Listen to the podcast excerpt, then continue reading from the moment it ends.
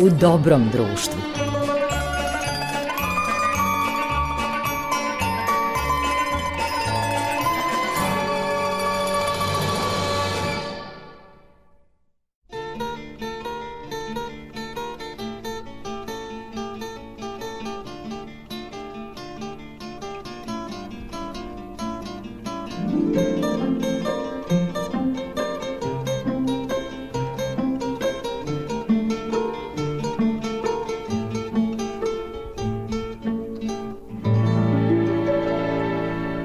Poštovani slušaoci, dobrodošli u emisiju U dobrom društvu. Marica Jung je za mix pultom i tonski obličava ovu emisiju, a kao i uvek vaš domaćin je Goran Vukčević. Ovoga puta setit ćemo se velikog Mome Kapora, koji je preminuo 3. marta 2010. godine. Dakle, navršilo se 12 godina od smrti velikog pisca i slikara. E, uživali smo u njegovim knjigama, u njegovim putopisima i u njegovim mudrostima duboko proživljenim, a ovom prilikom sećamo se uspomena na Momu Kapora kroz razgovor sa Ljiljanom Kapor sa kojom je proveo gotovo tri decenije zajedničkog života. Slušajte i uživajte.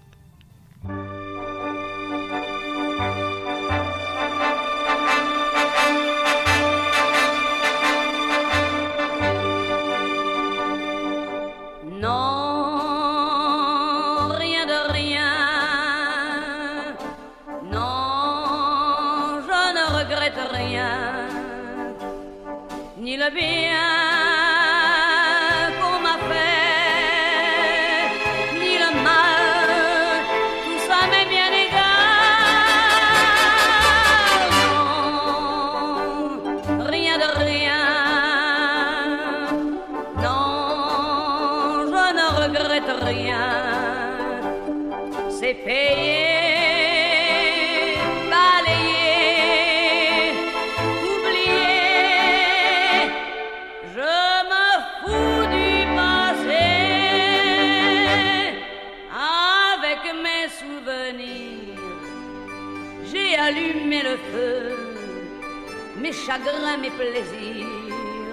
Je n'ai plus besoin de balayer les amours avec leur trémolo, balayer pour toujours.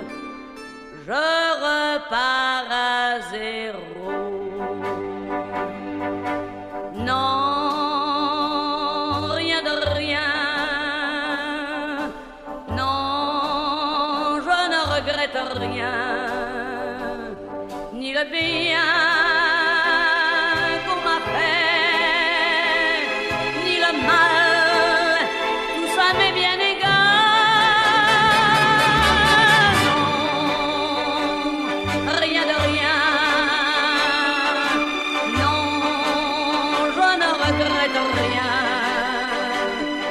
ma vie.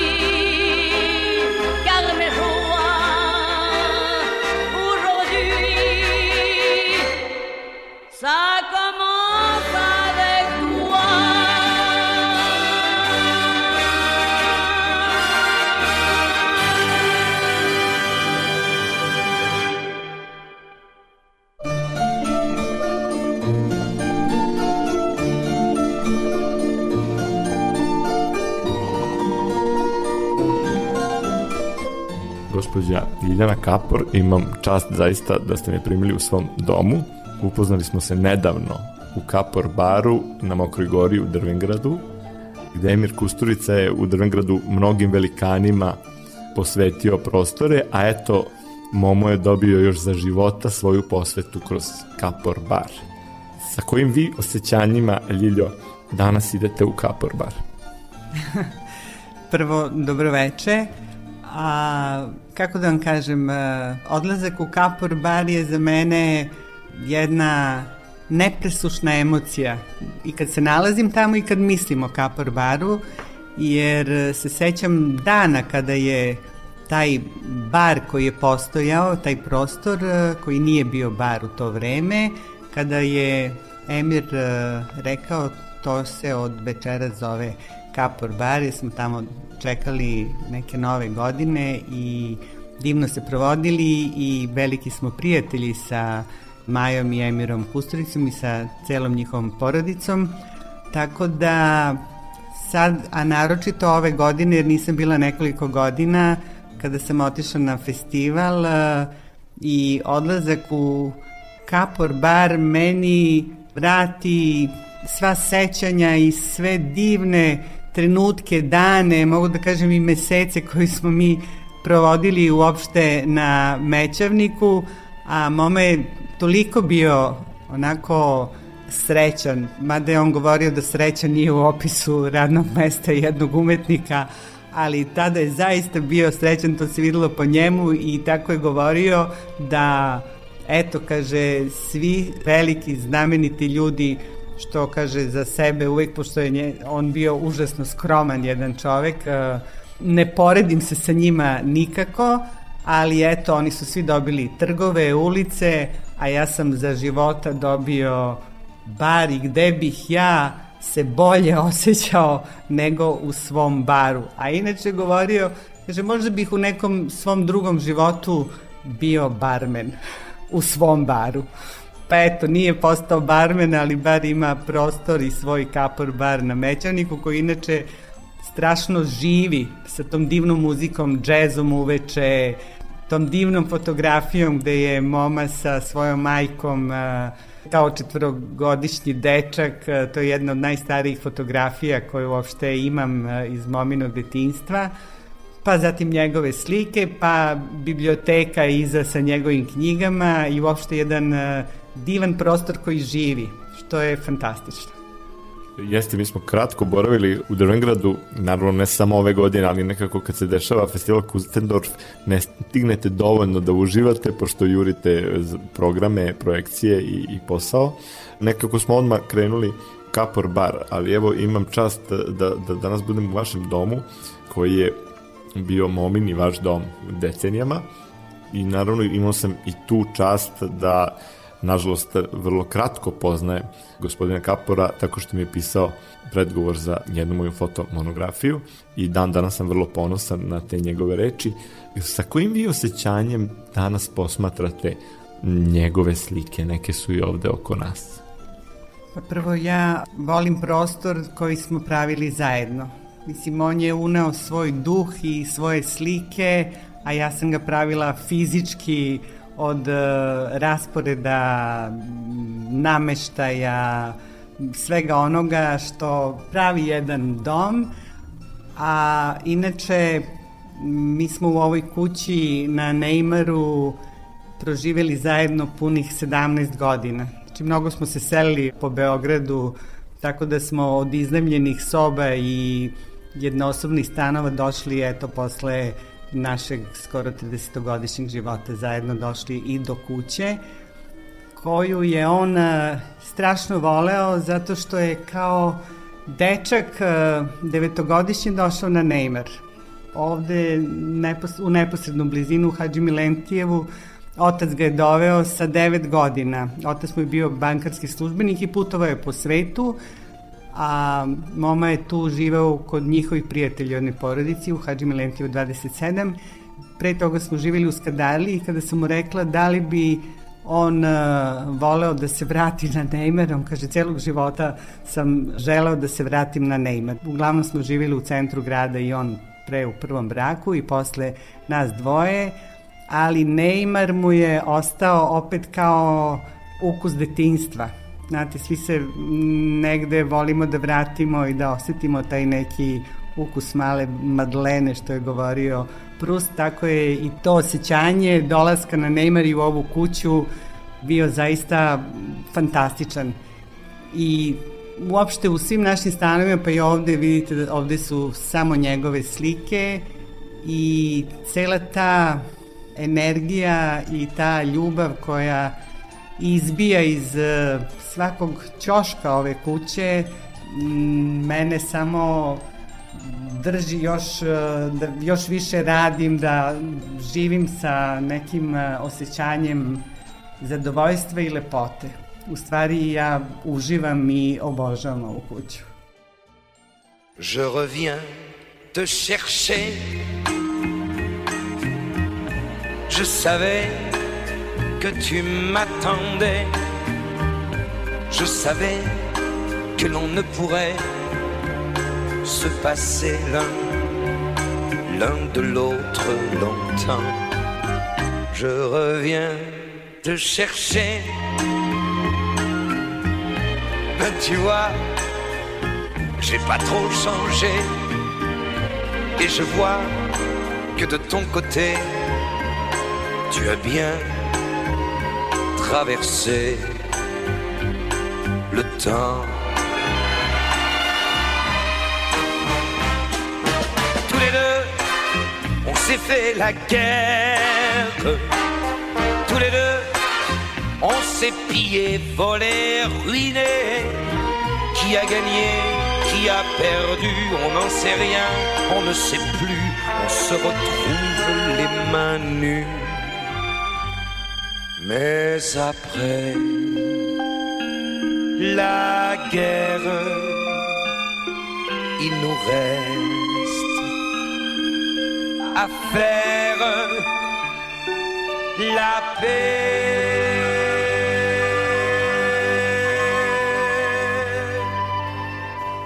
Je reviens te chercher, tremblant comme un jeune marié mais plus riche qu'au jour passé de tendresse et de larmes et de temps. Je reviens te chercher. J'ai l'air bête sur ce palier. Aide-moi et viens m'embrasser. Un taxi est en bas qui attend. Je reviens te chercher.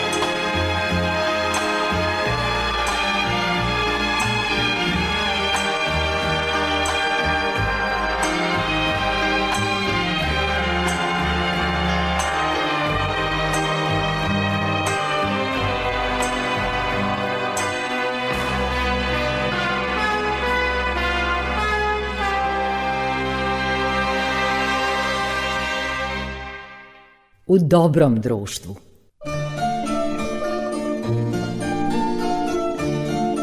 Kako su izgledala ta druženja sa prijateljima vašim ovde zajednička? Koja pamtite posebno?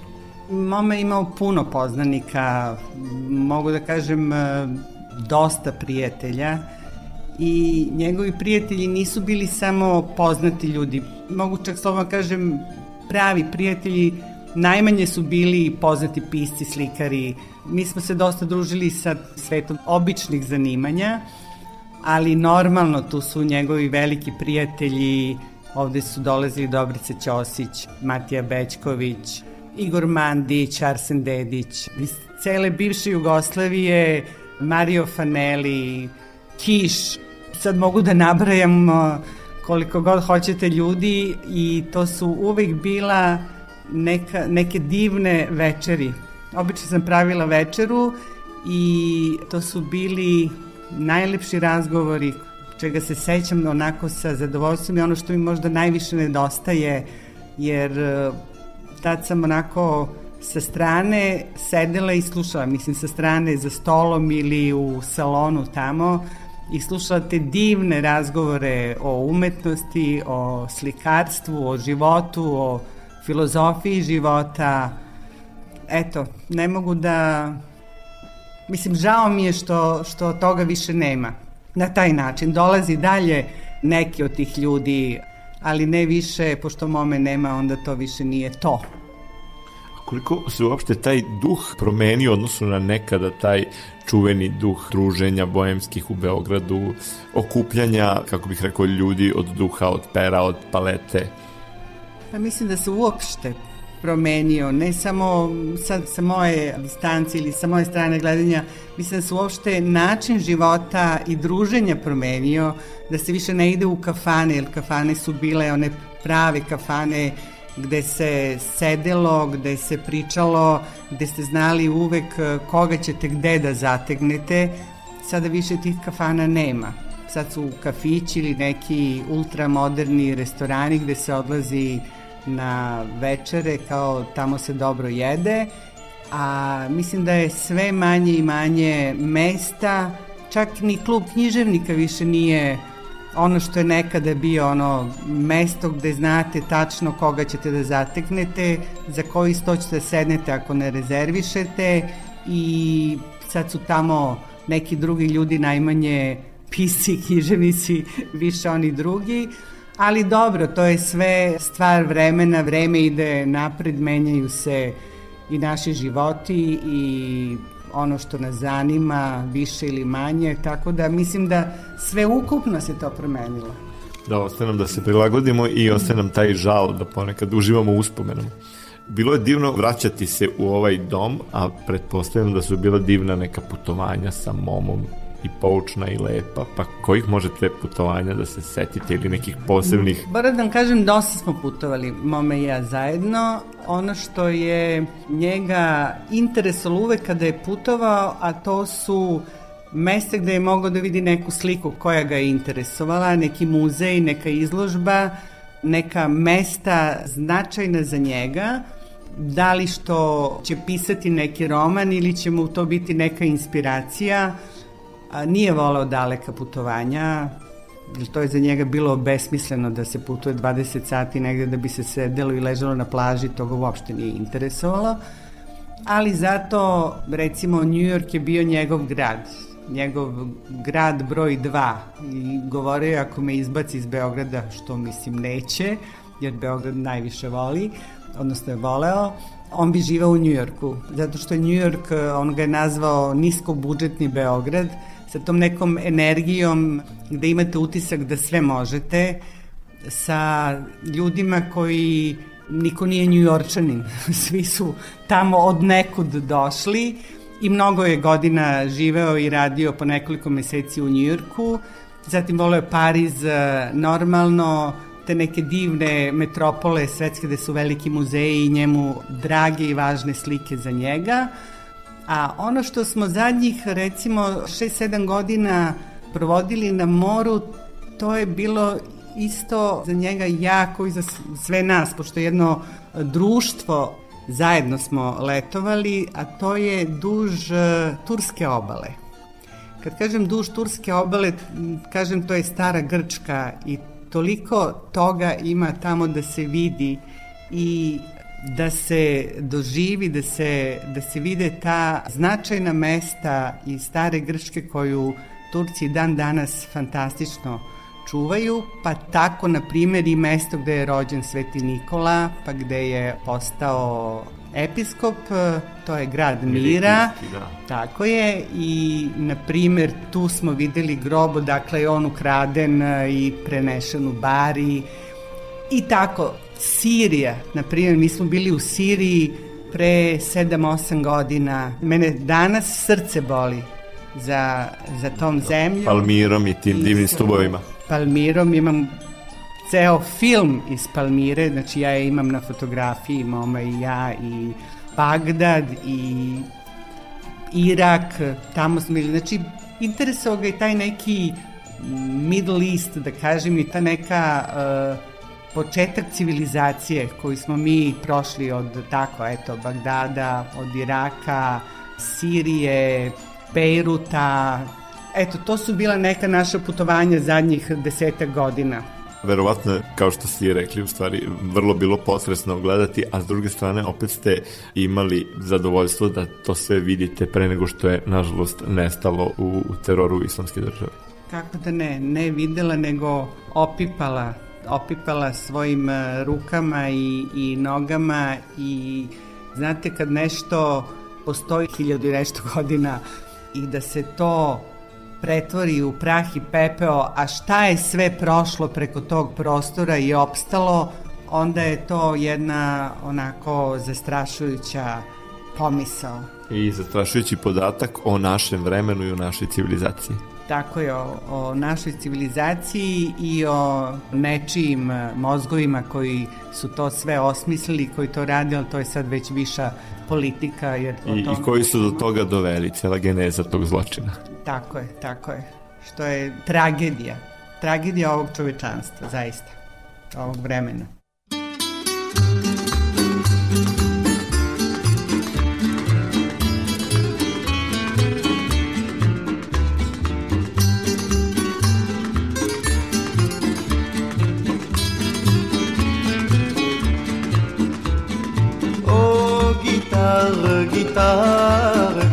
Ma guitare, ouvre-moi bien ton cœur.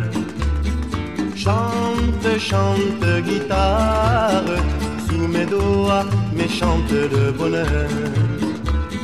Si j'ai mis dans ton cœur andalou trop de soupirs à ton goût, chasse au loin les sanglots superflus, qu'on n'en parle jamais plus. Dis-moi des choses folles, au-delà des paroles, que ma bouche doit taire, n'ayant que des mots de chair.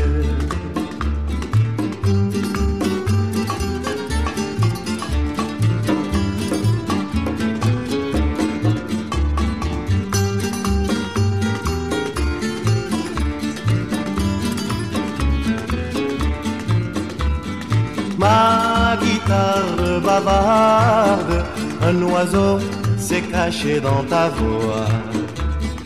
Et la porte qu'il garde pour nous deux s'en trouve quelquefois.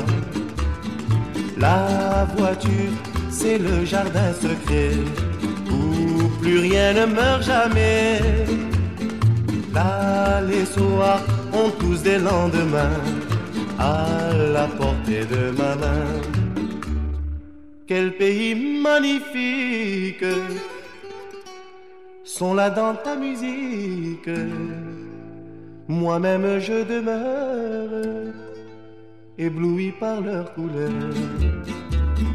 Oh guitare magique, quand tu fais vibrer tous tes accords, un monde fantastique fait revivre ton cœur de bois mort.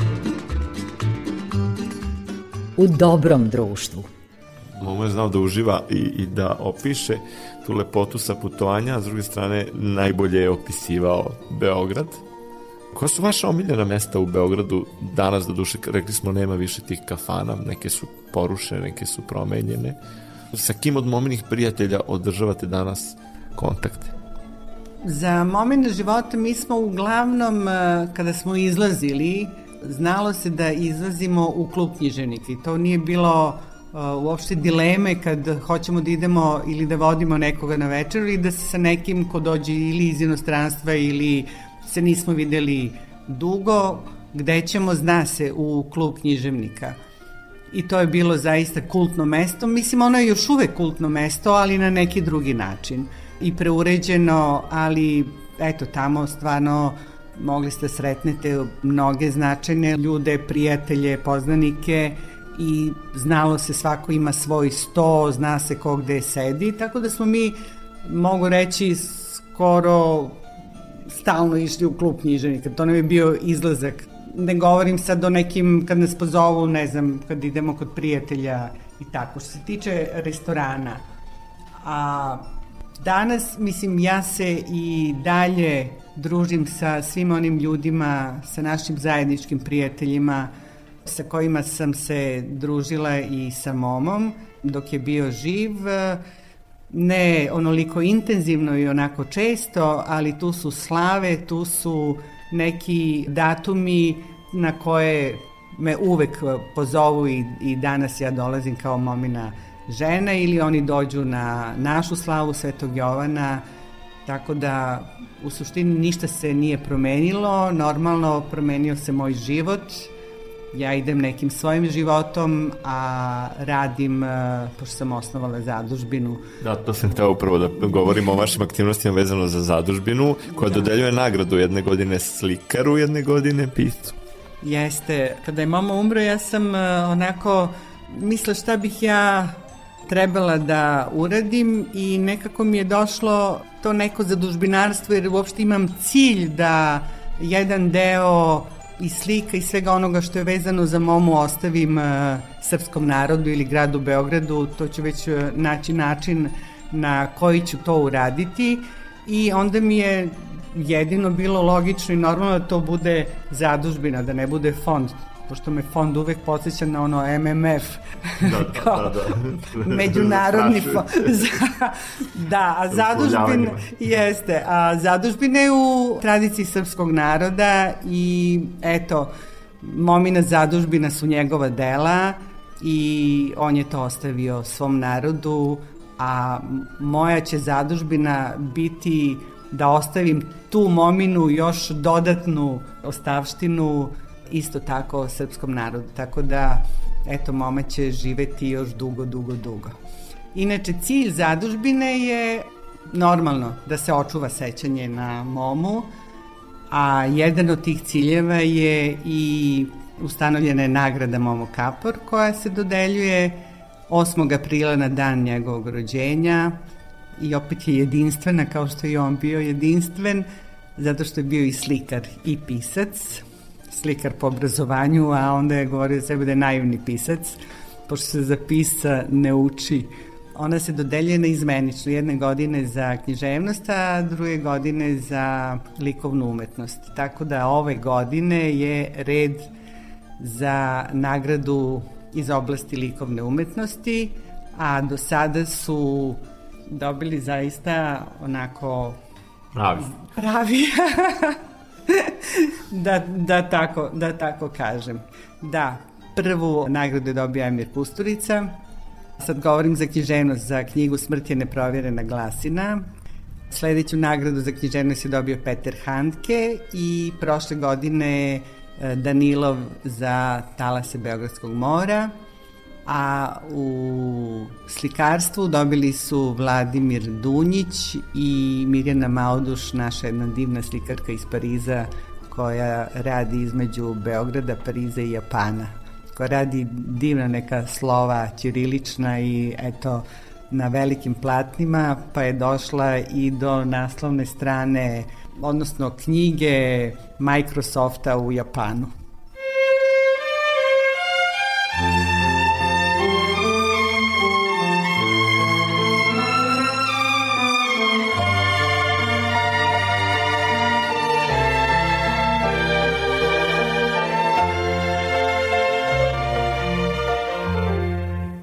Sve što znaš o meni. To je stvarno tako malo. U dvije riječi sve bi stalo. Kada pričala bi ti Ono sve što znaš o meni znaju Što mi ruku samo daju. Il na pozdrav mahnute.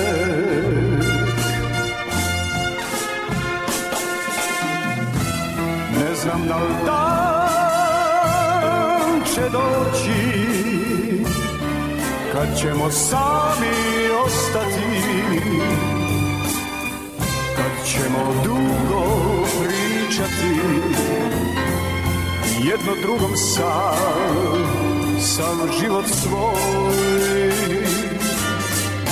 Jer ono sve što znaš o meni to je samo stara priča. Ja sam jedan od mladića koje viđaš svaki dan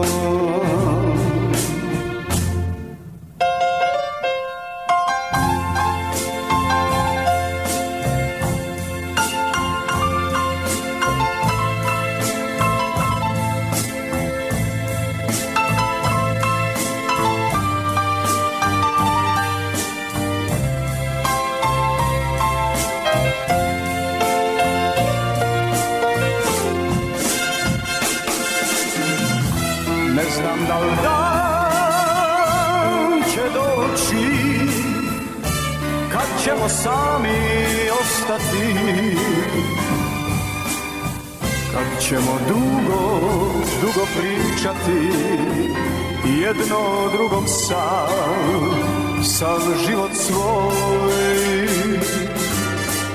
Jer ono sve što znaš o meni To je samo stara priča. Ja sam jedan od mladića Koje viđaš svaki dan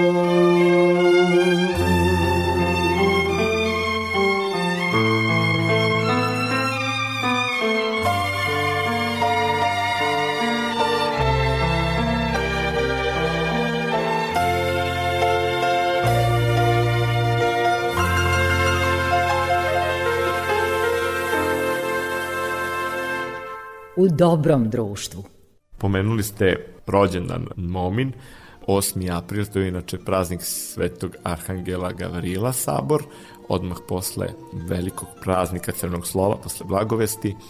To je poznato kada živite sa velikanom, da to je lepo, da to neki put nije lako, jer morate da pratite te umetničke nemire i uopšte ni samim umetnicima nije lako, a neki put ni onima koji su pored njih.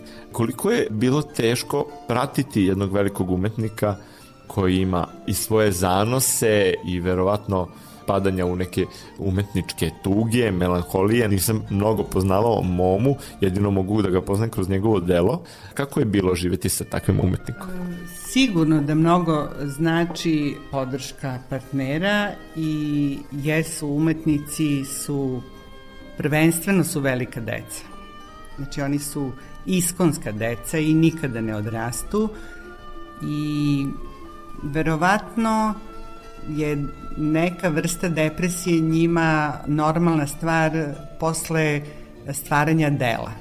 Znači kad pisac napiše knjigu, on posle toga mora da padne u neku depresiju iz prostog razloga, mislim govorim o pravim pisima, čitala sam pa to nije samo što je Moma govorio i što sam videla nego zato što kad se ispraznite i izbacite to iz sebe, sve imate uvek sumnju da li je to što ste uradili dobro, da li je to prava stvar, da li je moglo drugačije, da li je moglo ovako ili onako. Toma je imao jednu sreću što je imao dva zanata. To je prvo, i to je teško, znači to je jedan uh, proces uh, u životu gde bukvalno morate da se isključite se jednog da bi se uključili na, na drugi. To je kao fen sa 220 na 120 struju da, da prebacite. Tako da on nije mešao te dve umetnosti u smislu da kad je pisao knjigu nije slikao i obrnuto. Jer on kako napiše knjigu, a u suštini najteži proces mu je bio stvaranje u glavi onoga šta će da, da napiše, kako će da napiše i taj proces mu je bio najteži i onda kad krene da radi, onda to recimo pravi roman dva, tri meseca piše ili mesec i po dana intenzivno, ali pre toga je to godinu dana jednog uh, mukotrpnog mišljenja, razmišljanja, pogotovo još što imao i problem sa vidom, jer uh, on je zadnjih jedno 15 godina ozbiljno loše video, odnosno e, imao je tu degeneraciju žute mrlje, imao je problem da pročita ono što napiše.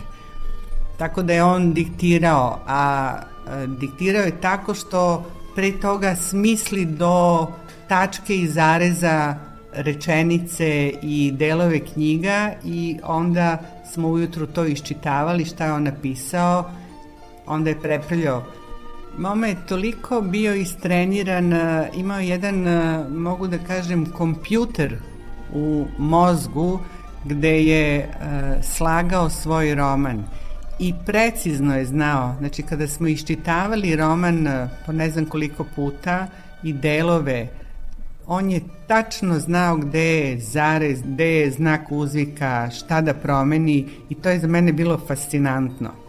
Normalno to iziskuje ozbiljan rad i dodatni trud.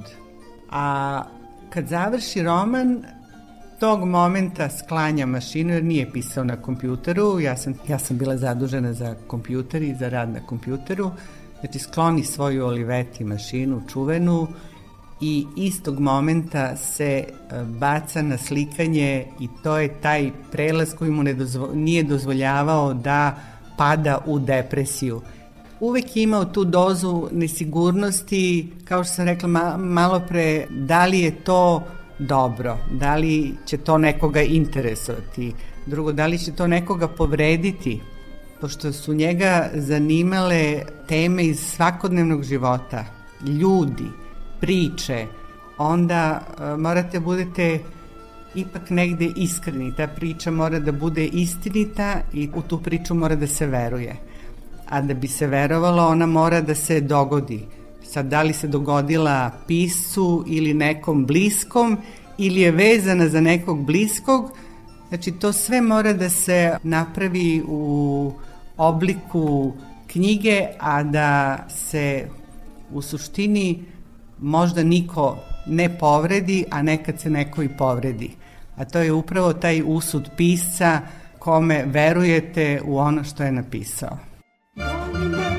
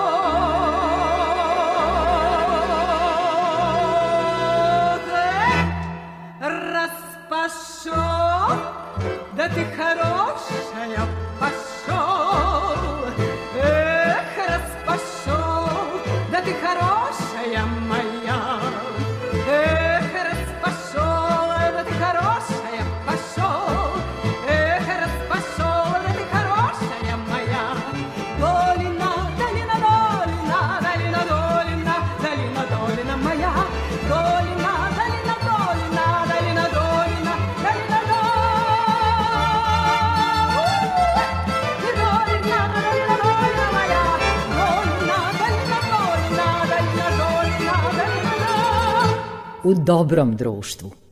U mominim knjigama se uvek vraćaju iznova i nove generacije koje ga samo mogu upoznati sada preko knjiga. Gde se danas nalaze momina platna osim u vašem domu? Nalaze se kod kolekcionara, kod kupaca i kod ljubitelja njegovih slika. Nismo nikada radili sa galerijama, jednostavno zato što smo ipak e, ceo život živeli od njegovih slika uglavnom. Mislim, redko od knjiga, jer od knjiga se teško živi i eto, moja kuća je puna slika i uvek su bile slike na, samo njegove na zidovima iz raznih perioda, jer sam uvek ostavljala po neku sliku i kao podsjećanje na razne teme kao što je imao i u romanima, tako je i u slikarstvu imao periode kada se bavio određenim temama, mada su uglavnom ženski likovi. Da, preovlađuju ženski likovi. A, Jeste. A ovde je na, na jednom platnu i vaš uh, ljubimac dugogodišnji. Archibald. Archibald zvani Arči. Pošto sad radio, jeli nema sliku, da kažemo da je to je bila rasa sibirskih haski. Sa plavim očima. Da, i pored njega je jedan ženski lik, te, kako bih rekao, ja.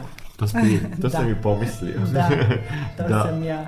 Divno, divno. Nekako su uvek zagledane, ovi ženski likovi na ovim platnima su nekako uvek Tajanstveni. tajanstveni, nežni, imaju neke duboke misli.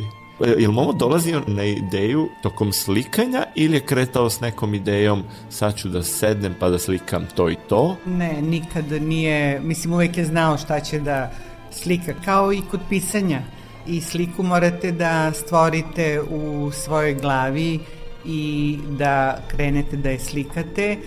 Ovde ima takođe uh, nekoliko anđela kojima je on bio takođe opsednut jer je njegov uh, slikar bio Leonardo Botticelli, uopšte jedno klasično renesansno slikarstvo koje je on uh, nastavio, odnosno razgovarao je sa tim slikarima kroz svoje slike, pokušao je da ih razume i da ih vidi na svoj način, tako da ovde imamo nekoliko Leonarda na momi način sa njegovim uh, likovima anđela i sa tim mehaničkim krilom koje je Leonardo crtao.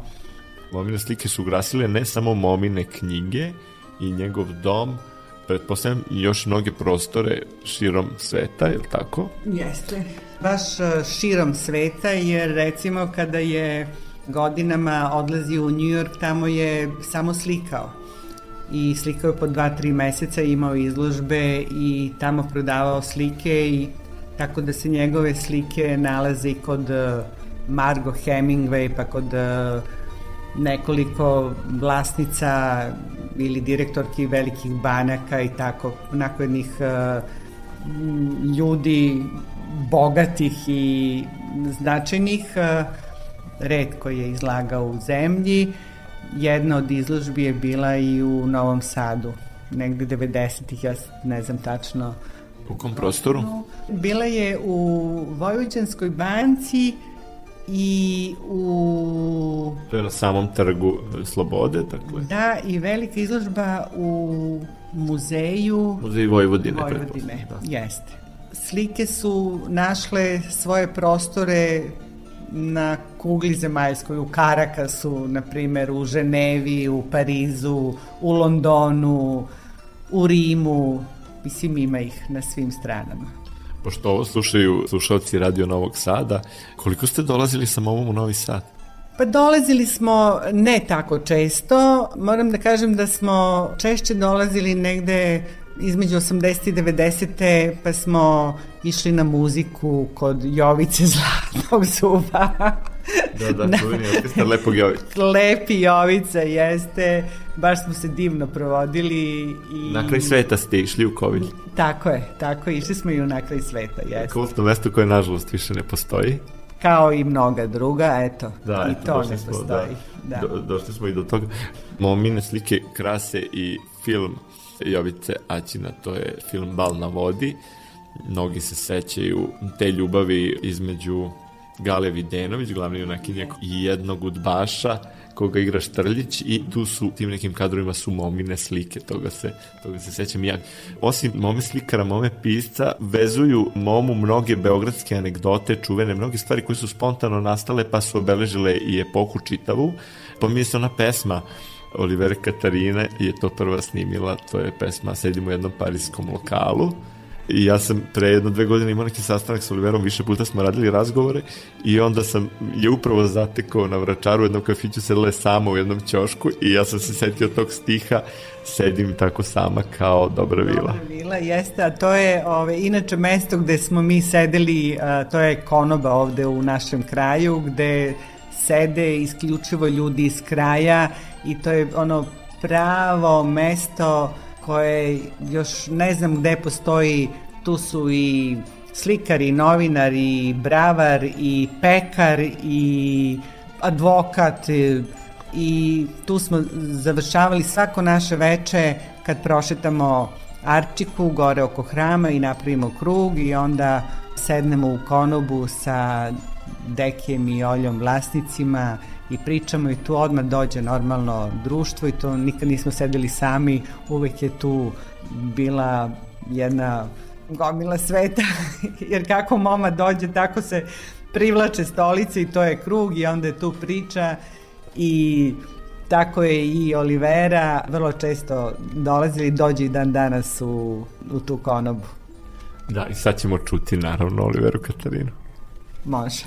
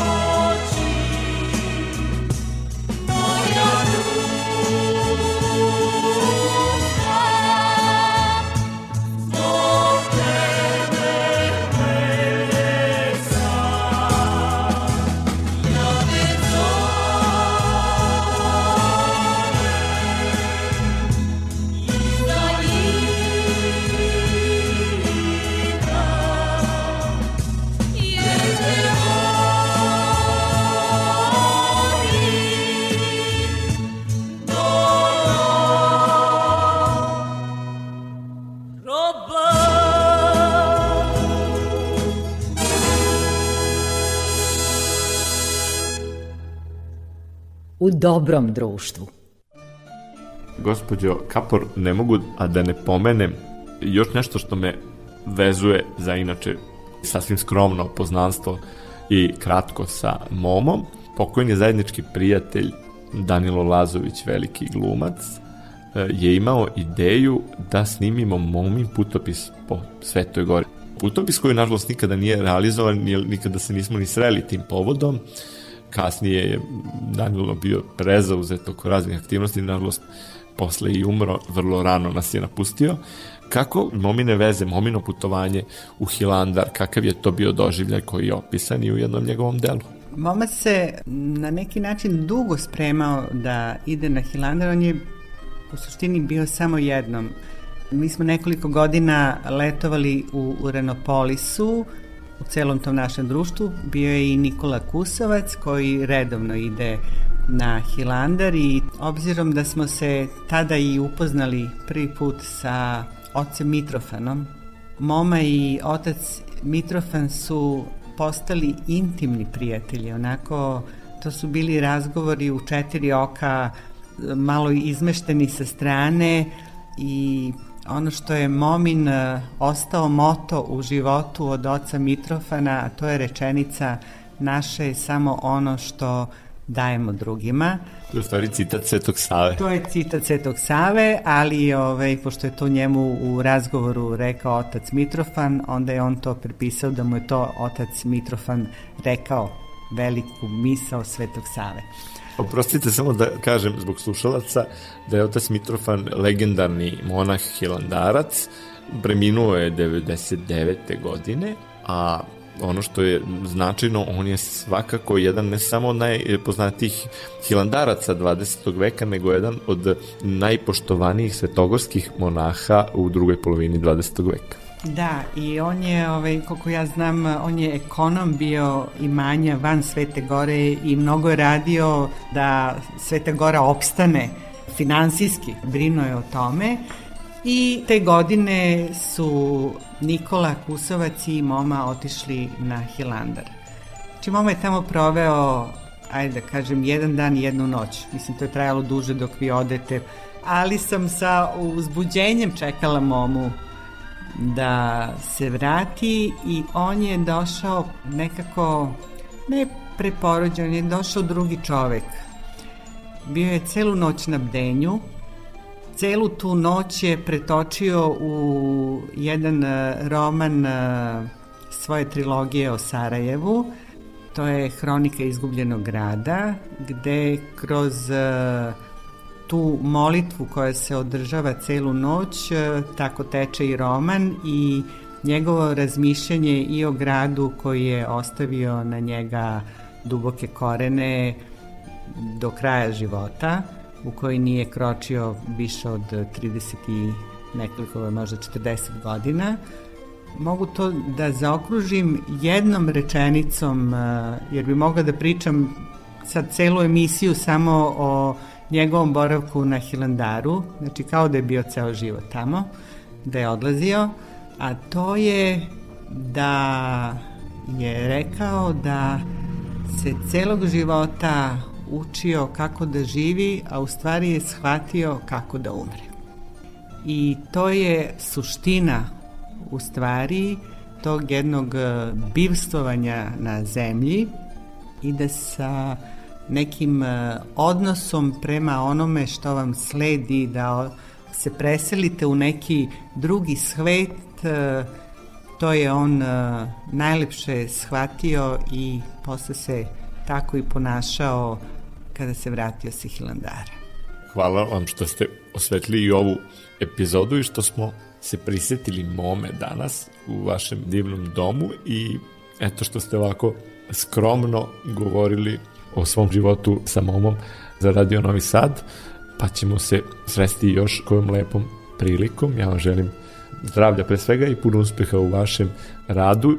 Ovo je sve njegovo što je pružio drugima i Momo živi kroz ono što nam je ostavio, a vi brinete o tome da to traje. Hvala vam. Hvala i vama.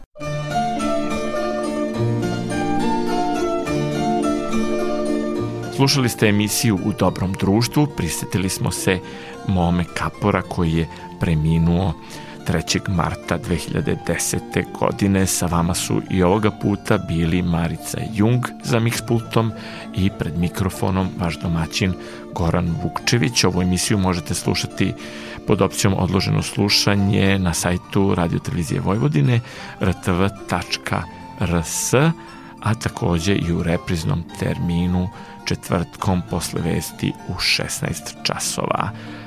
Do slušanja ostanite u dobrom društvu. Jada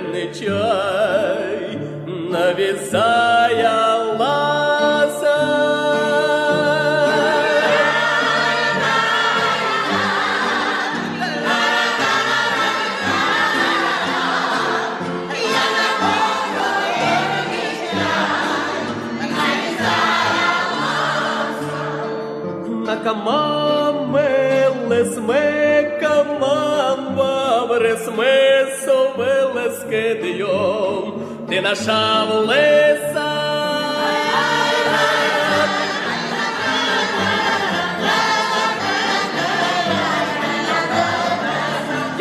Та сосниця качинела, печаво грен радила, радинела бе.